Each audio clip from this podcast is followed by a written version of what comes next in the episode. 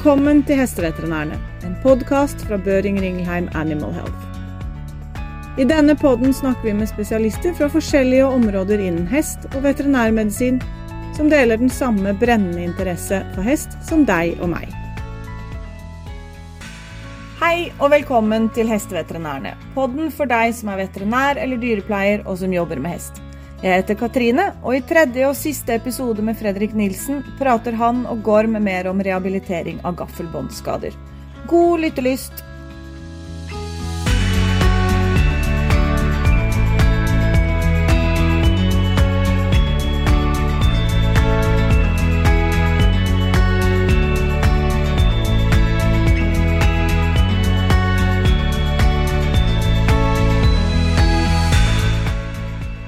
And welcome to this third podcast about rehabilitation of tendon and ligament injuries. My name is still Gorm Carson and fortunately I've still got uh, Frederik Nielsen uh, from uh, Højgaard Equine Clinic with me today.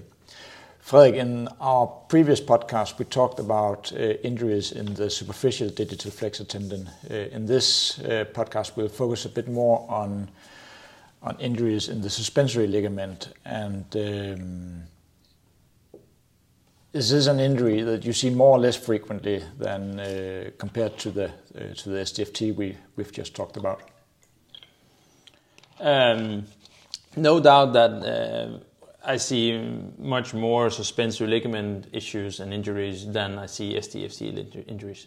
Uh, no doubt about that, and, and they can then be both the proximal injuries, both front and hind legs, and the branch injuries, uh, both front and hind legs.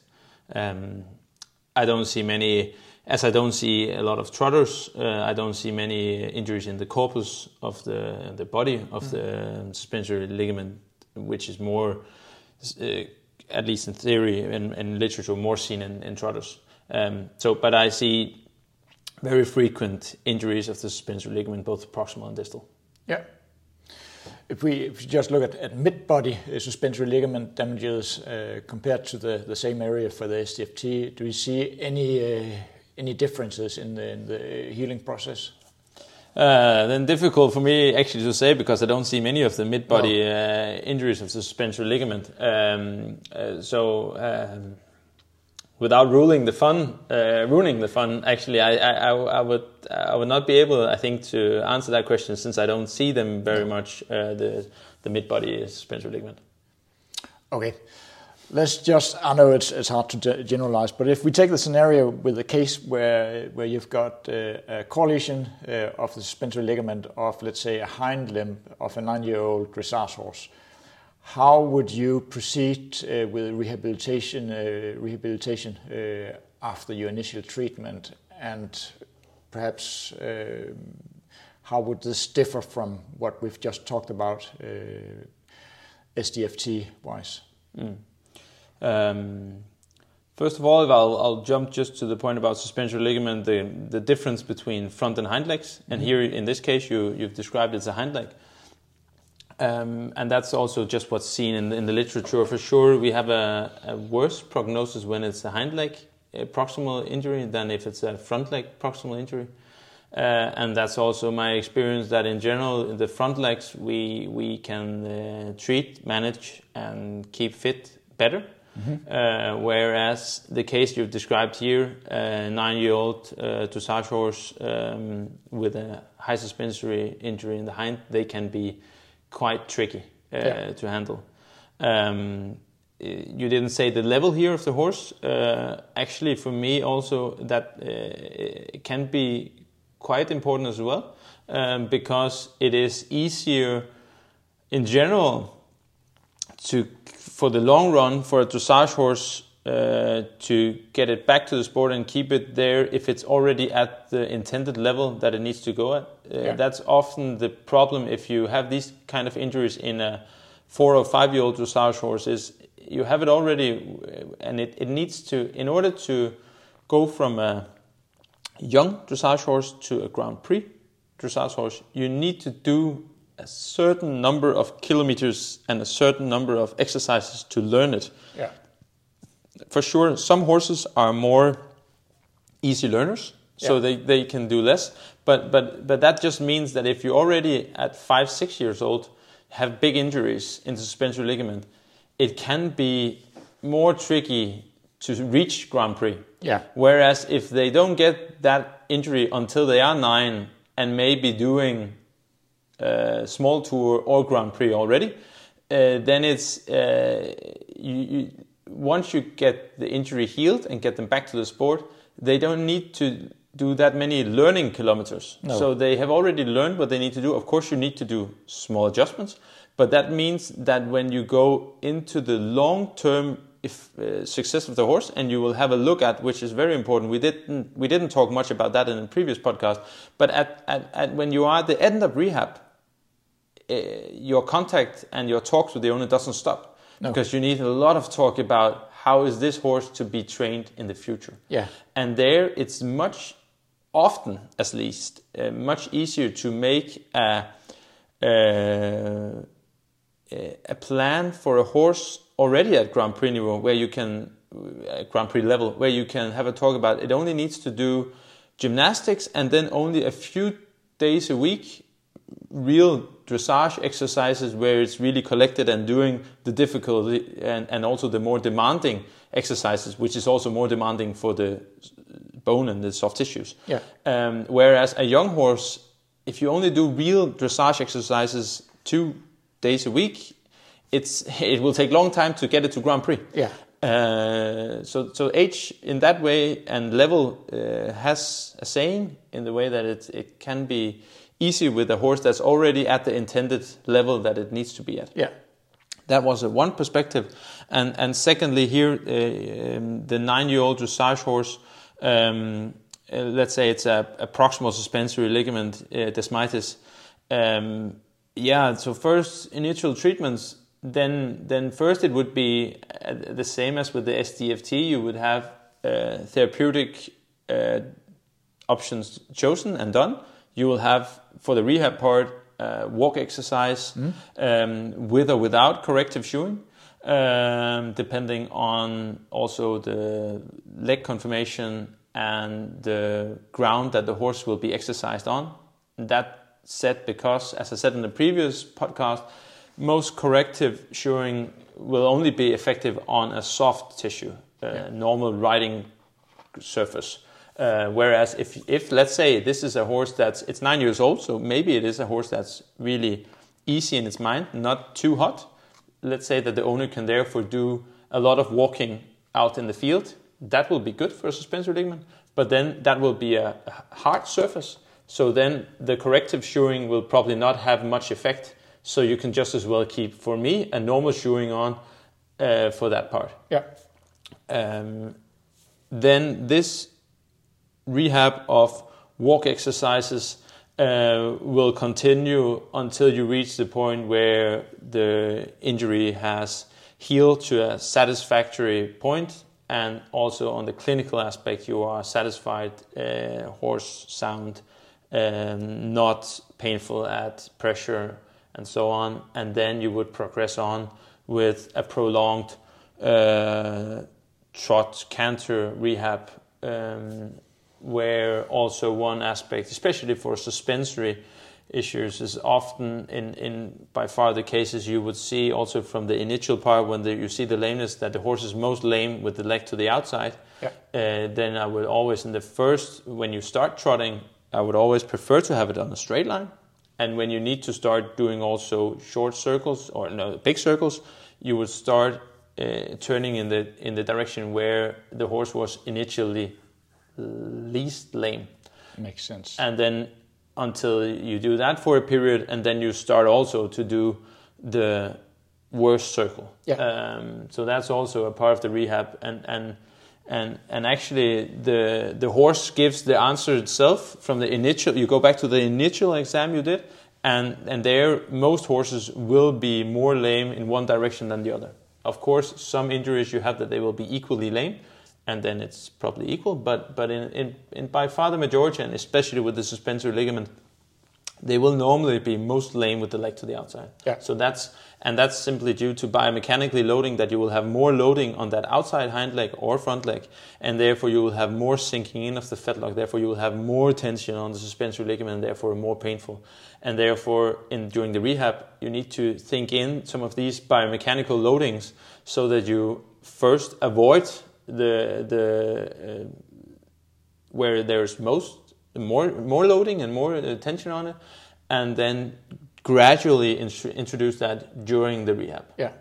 And So that leads me on then, uh, without me talking too much, leads me on then to the, the final aspect, because that was also one aspect we didn't talk about in the previous podcast, is that uh, in the in the later stages of the rehab, um, there's also a lot of talking with the owner, the rider, about discipline-related rehabilitation.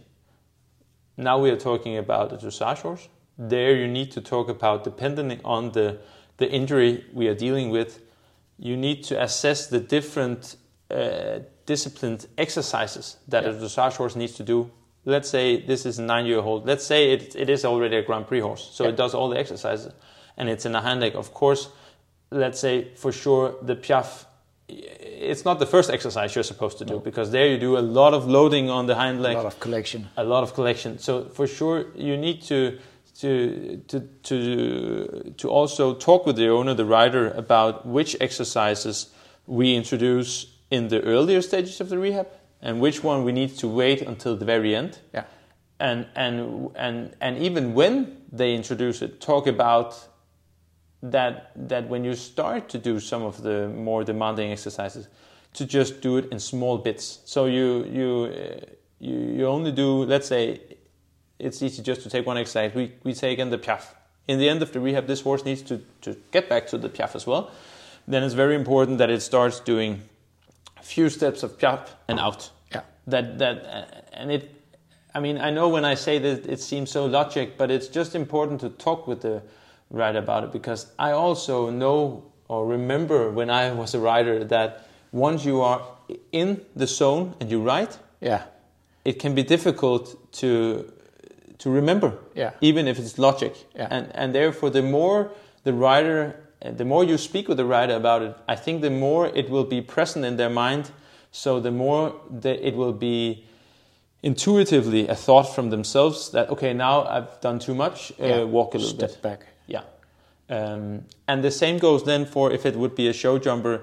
You, it's important in the late part of the rehab to talk with the rider about okay, how do we then introduce jumping again? Because uh, it is a jumper. I mean, uh, Needs they, to go back. They cannot be transferred all into dressage horses. They- Nope. They are not meant to that, and they don't move that as well. So, uh, so we need to get them back to jumping. Yeah. And they're um, you need to have a talk with them about how do we do that. Uh, they can probably do maybe jumping twice a week over small jumps, just also again for the elasticity of the tendons that they regain that, and they don't regain that if they don't do more loading. So you need to to go and, and do some jumps, but of course. Uh, for the long run of a jumper, it is important again if it is already a skilled, educated show jumper performing at high level, it does not need to do a lot of high jumps at home. Uh, that's more for the rider. So, uh, and and that's of course the talk you need to have again with the rider. Okay, uh, it's fair. You need to do some jumps and how you will do and and train at home as well. But with this horse, if it has had a big injury in the SDFT or in the suspensory ligament, it's important that the rider knows that the the, the fewer big jumps the horse will do, the less the risk is that it will have a reoccurrence of injury. Yeah.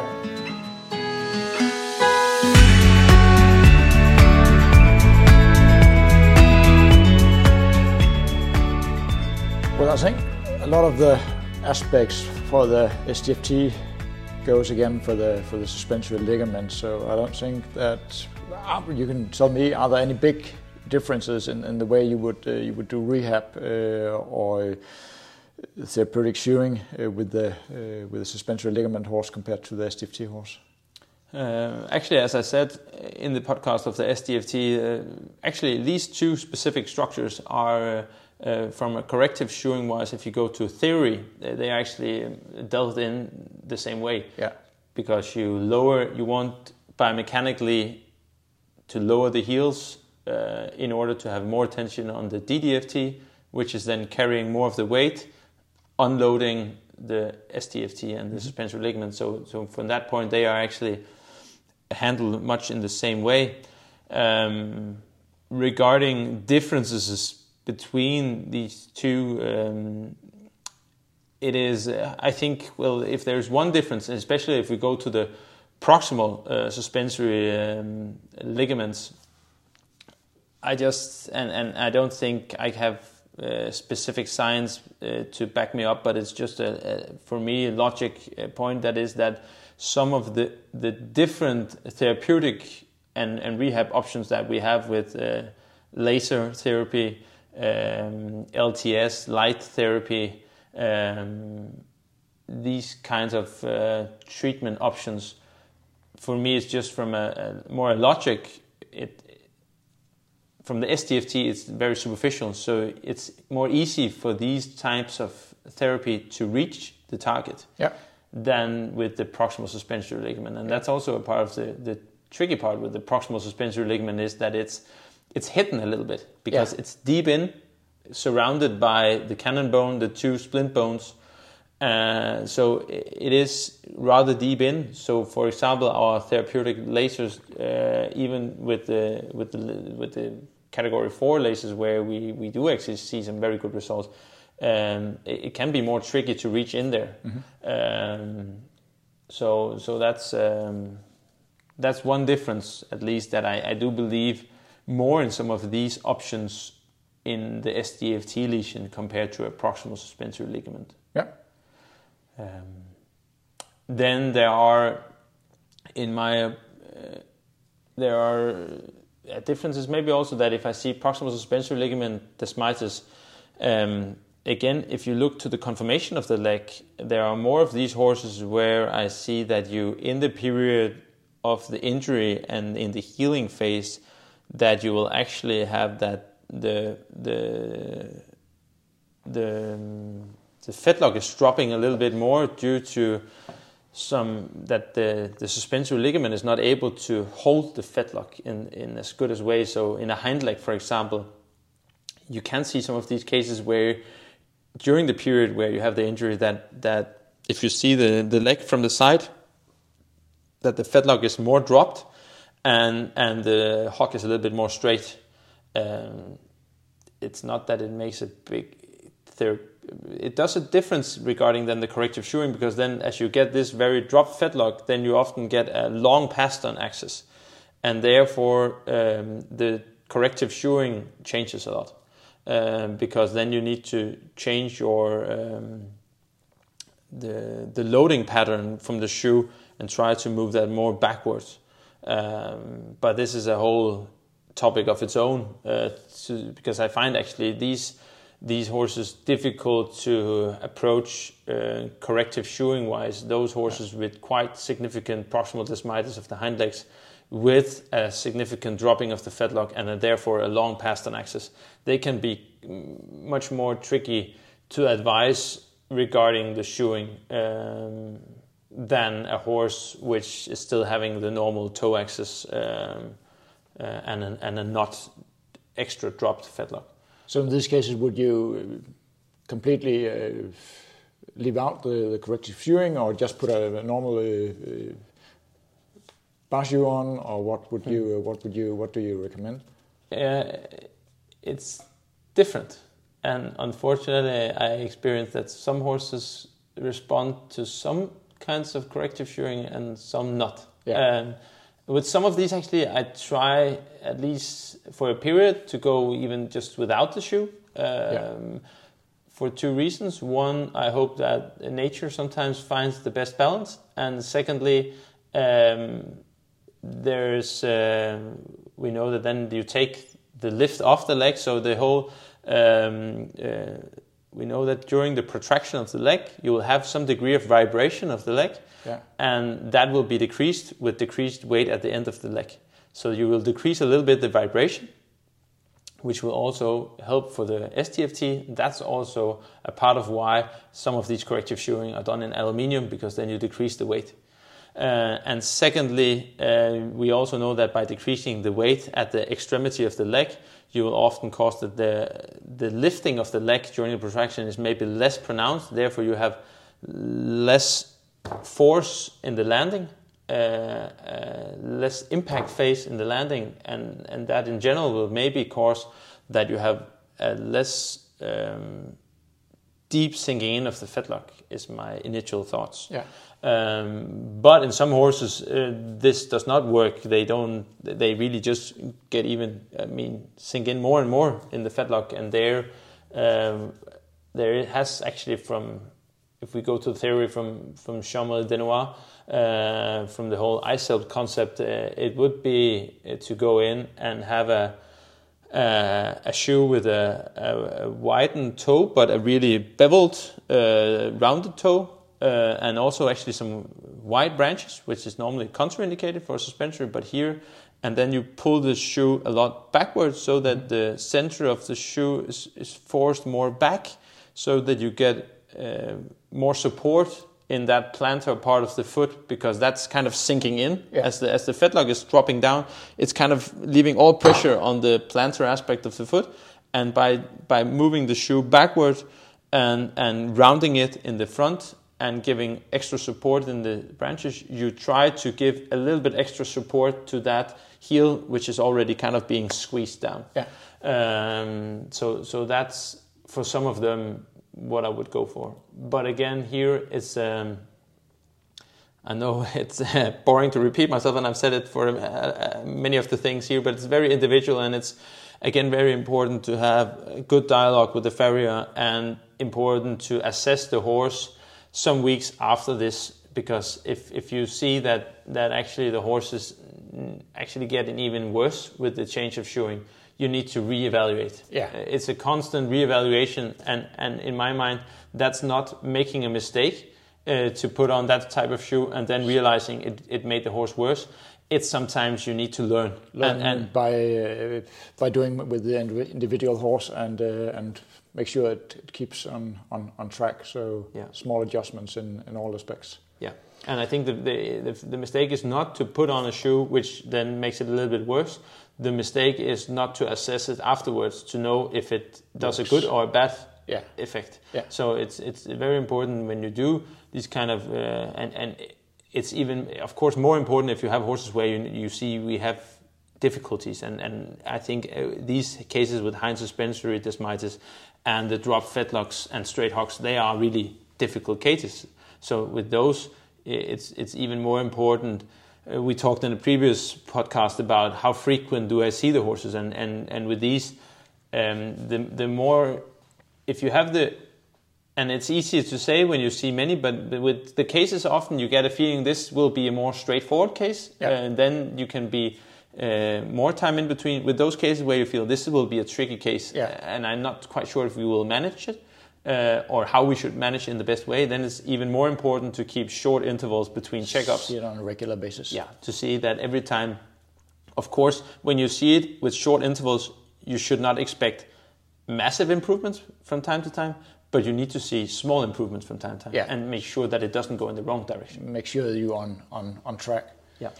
Okay, I think the take-home message for me, at least here today, is that it's very hard to generalize about these uh, these cases, and you have to take a lot of different aspects into account, both what kind of rider, what kind of economy does the rider have, and what kind of horse and what kind of surroundings do you do you have at your at your uh, um, availability. So. Thank you so much, uh, Frederik. It's been very fruitful uh, to hear about your thoughts and insights on this interesting and uh, very often frustrating topic. Um, also, thanks to the listeners for, for following us for this uh, free uh, podcast. Tusen takk for at du lytter til Hesteveterinærene. Hvis du liker det du hører, glem ikke å trykke følger eller lignende i podkastappen din, slik at du ikke går glipp av en eneste episode. Fortell også gjerne om hva du syns ved å gi en tilbakemelding. Vi tar også gjerne imot tips om kommende gjester og emner. Kontaktinformasjonen vår finner du i beskrivelsen av podden. Vi høres snart!